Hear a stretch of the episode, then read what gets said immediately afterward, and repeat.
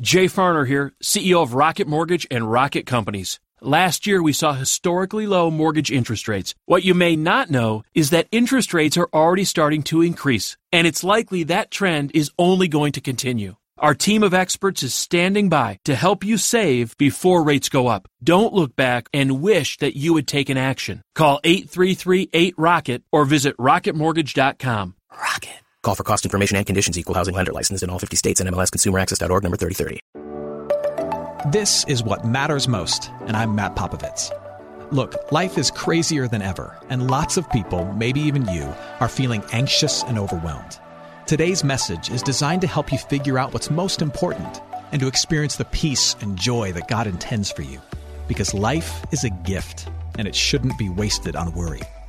I'd like to give you a resource, something to help you navigate the road ahead. Just go to mattpopovits.com, click on the icon, and we'll send it to you. That's Matt, P-O-P-O-V-I-T-S dot com. And hey, if you happen to live in the Houston area, I'd love to see you on a Sunday morning at St. Mark in Spring Branch. Head to stmarkhouston.org to plan your visit. Here's today's message. Thanks for listening. We began a, a new series called Why God Why? And it's a study of an Old Testament book called Habakkuk. Strange name, beautiful book. Habakkuk was a minor prophet who asked some very big, very important questions, questions that, that all of us wrestle with on a regular basis. Uh, just a little bit of review in case you weren't with us. Habakkuk was a prophet who lived in a time of intense turmoil in the life of God's Old Testament people, Israel. Uh, God's people had been broken into two nations. There was now the northern kingdom of Israel and the southern kingdom of Judah. There was a lot of fighting. Um, and God's people were now in a season where they had yet again, this was a recurring theme for them, they had yet again lost their faith in many ways and just turned away from God and rejected Him and decided to do something completely different. But not only that, it was also a season where their enemies from the outside were about to overtake them. And Habakkuk, as a prophet, was bold enough to do two things. Not only to speak to God's people and say, hey, heads up, this is probably not a good idea, but also on behalf of God's people, and really on behalf of his own heart, which was full of questions, to go to God and bring his fears and his frustrations and his questions to God. And the big learning for us, it's simple, but it's profound. In the face of questions, it is good for you to express your issues with God to God. And many of us begin with the idea that it's never good to question God. It's never good to say, hey, why are you up to this? Or what do you think you're doing? Or you're confusing me, you're frustrating me, you're angering me, God.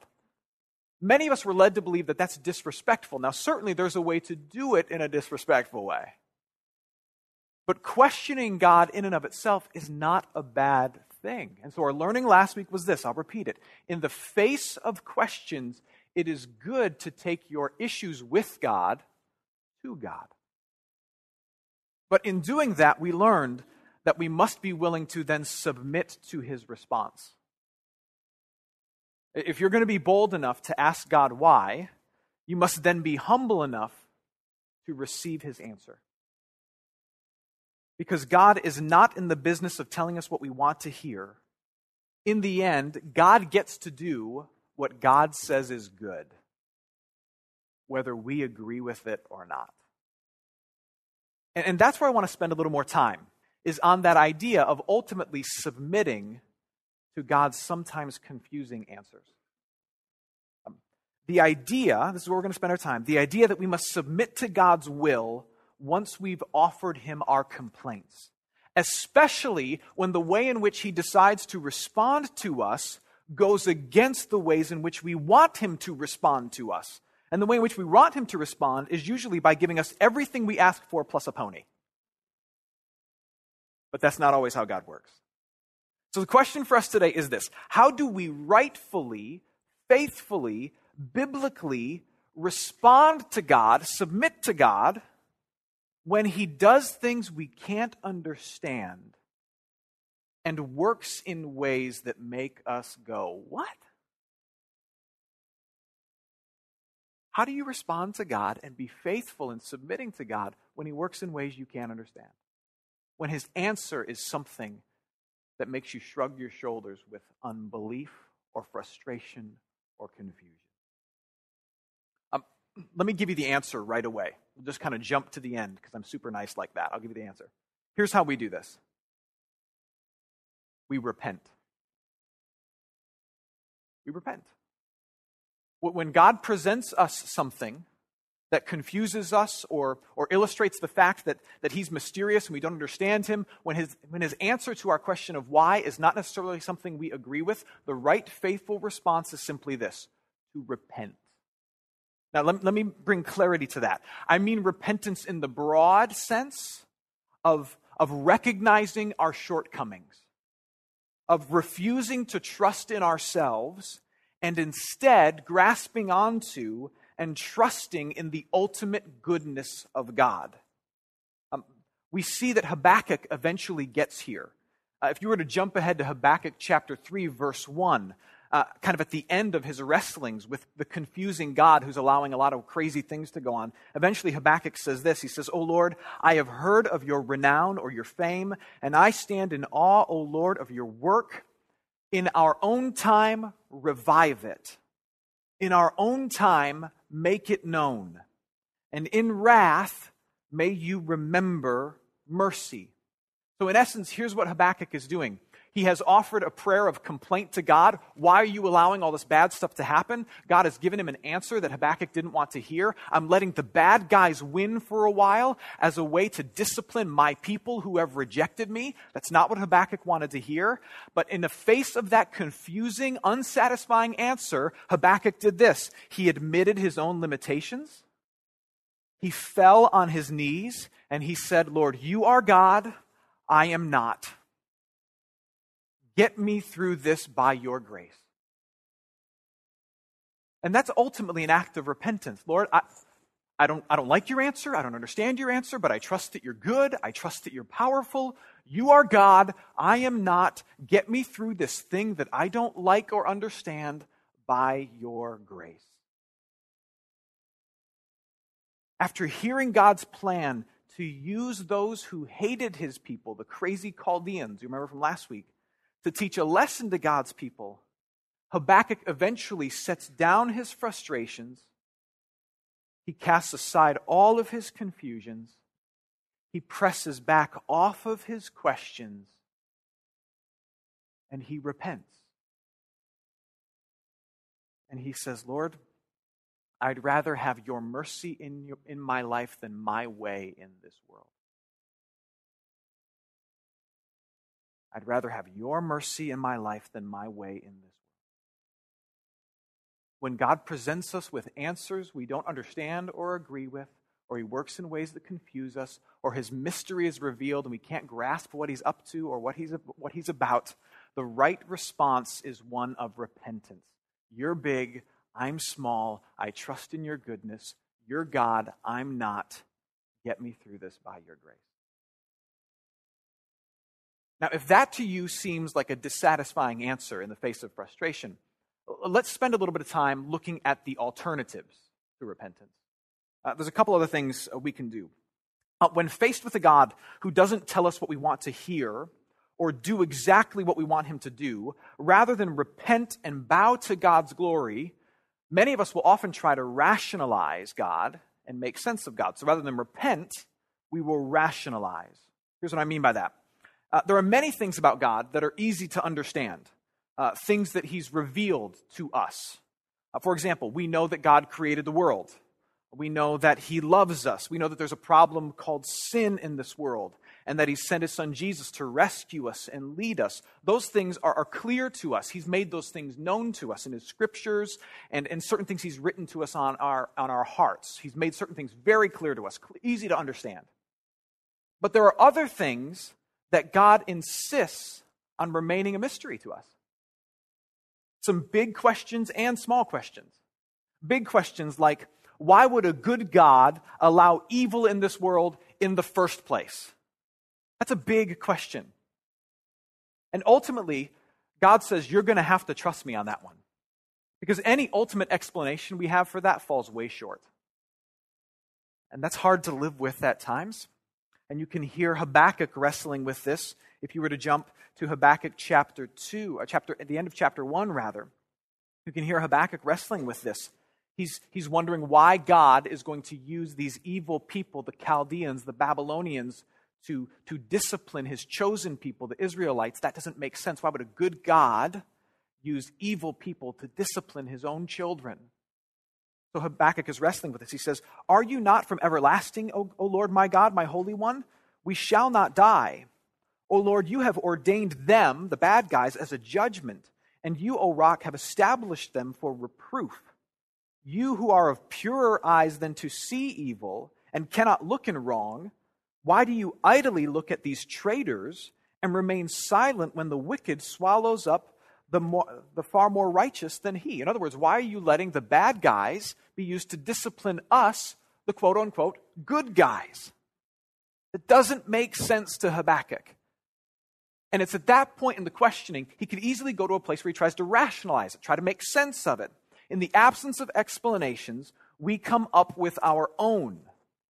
For example, we see the evil in the world. We see the brokenness around us, and we try to rationalize it. Rather than repent and say, God, you know what you're doing. I don't. I trust you. We rationalize it and we'll say, okay, well, maybe, maybe God just created things and he stepped back and, and he's just now letting the world spin and do its own thing. And that's why there's evil. God is, is standing back and just letting it happen, kind of watching it like an ant farm.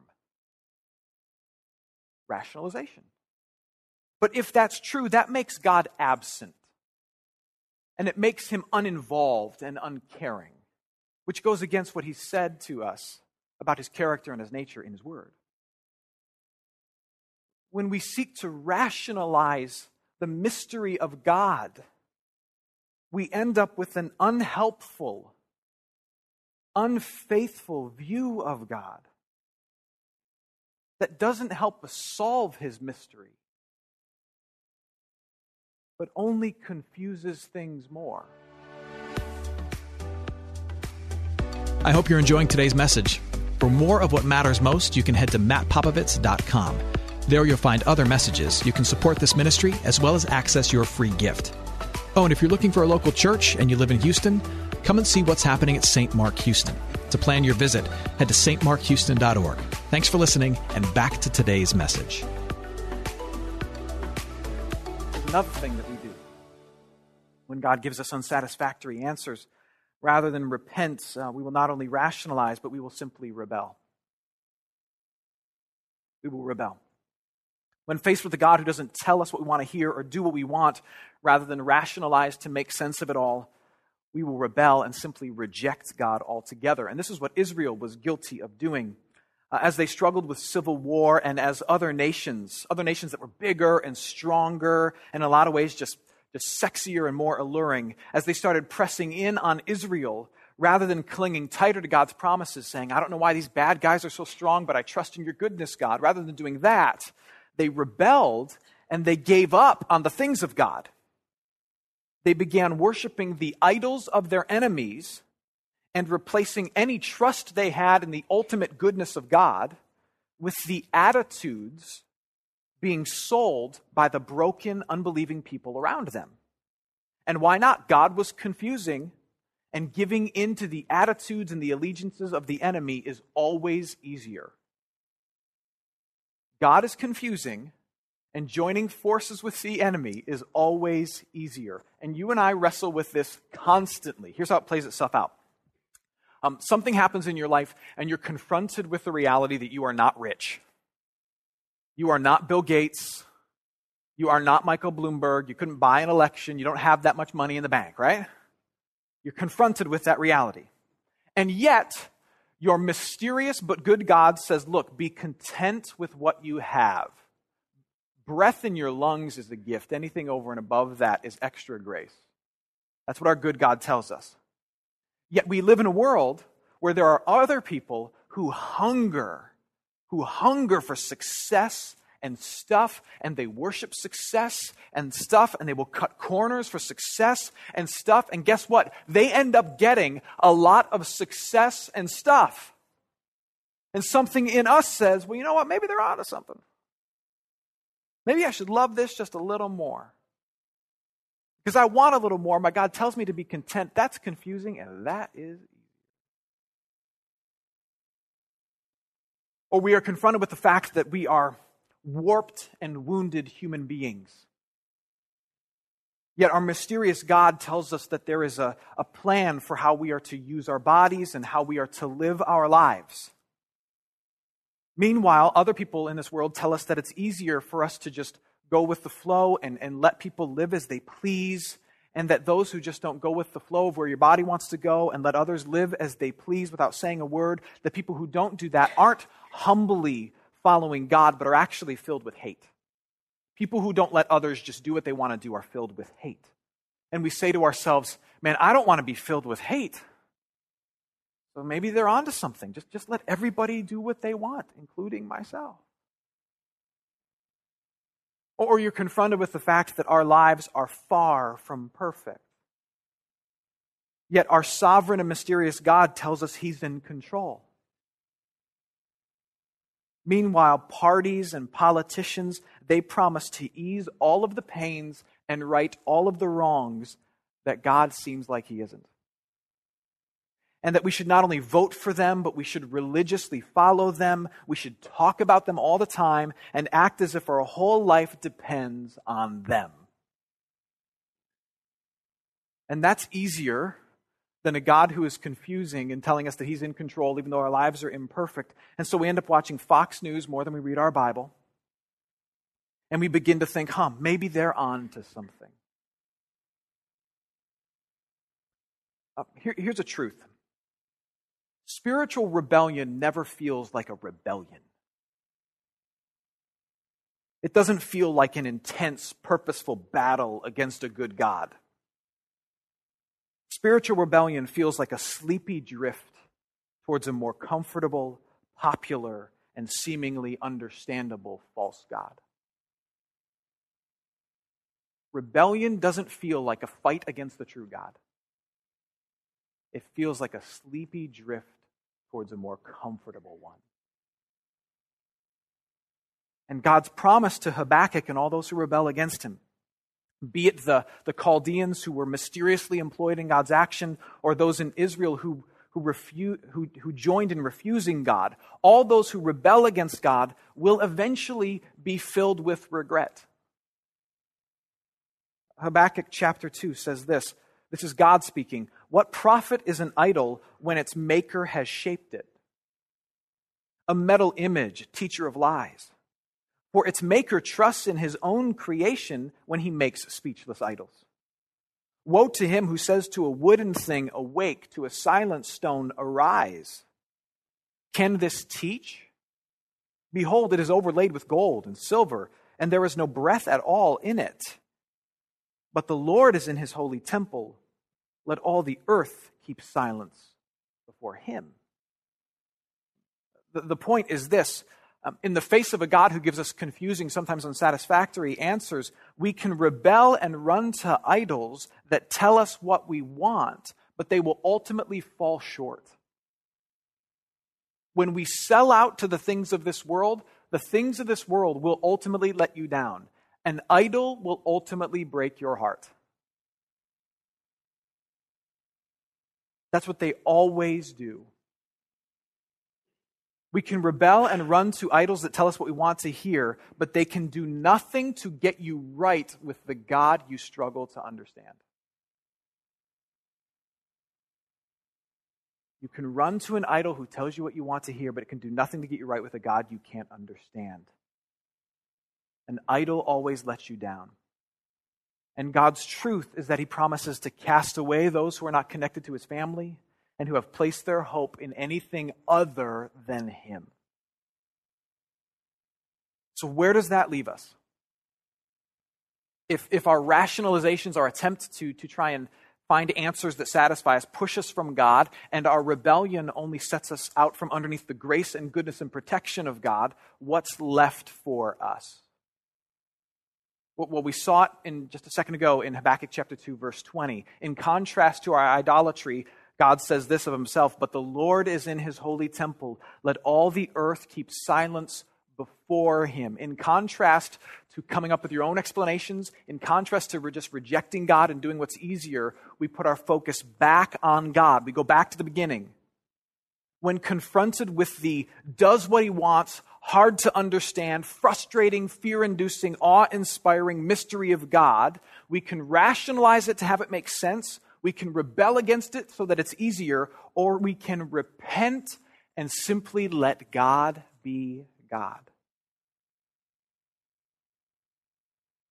When God answers your question of why with something that's, that's, that's unsatisfactory or confusing or mysterious, you realize that He is big and you are small, and that there is a gap between Him and you.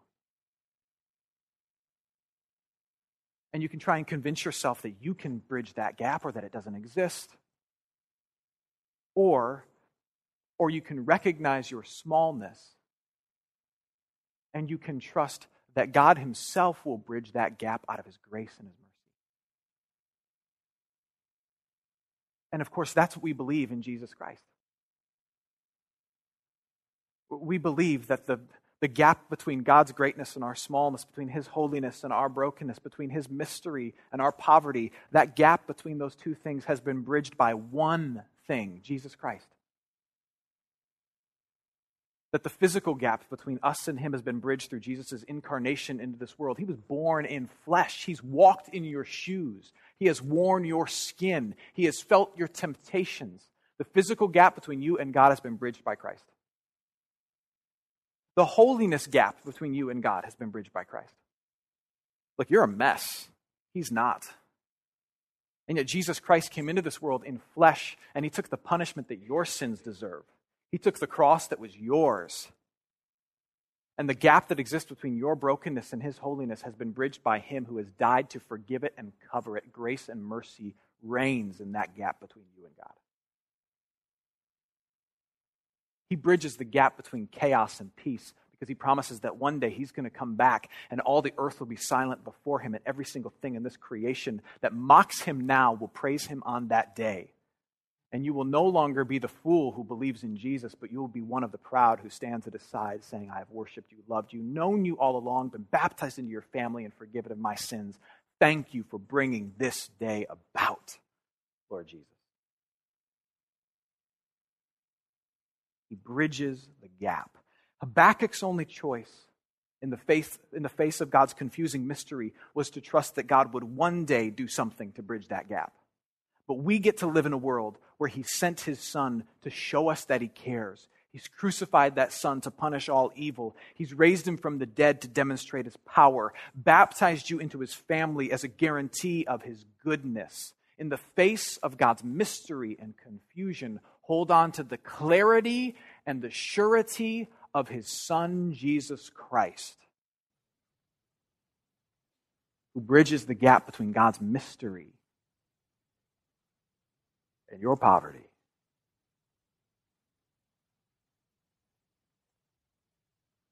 So, what kind of people will we be? What, what kind of a person are you? Do, do you repent? Do you rationalize or do you rebel? Let me tell you a secret. I'm a rebel.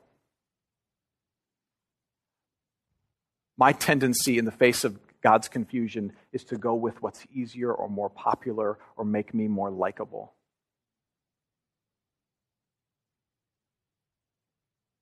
What about you? May we be a people who simply say, I don't understand you, but I trust that your way is best. You are God, I am not.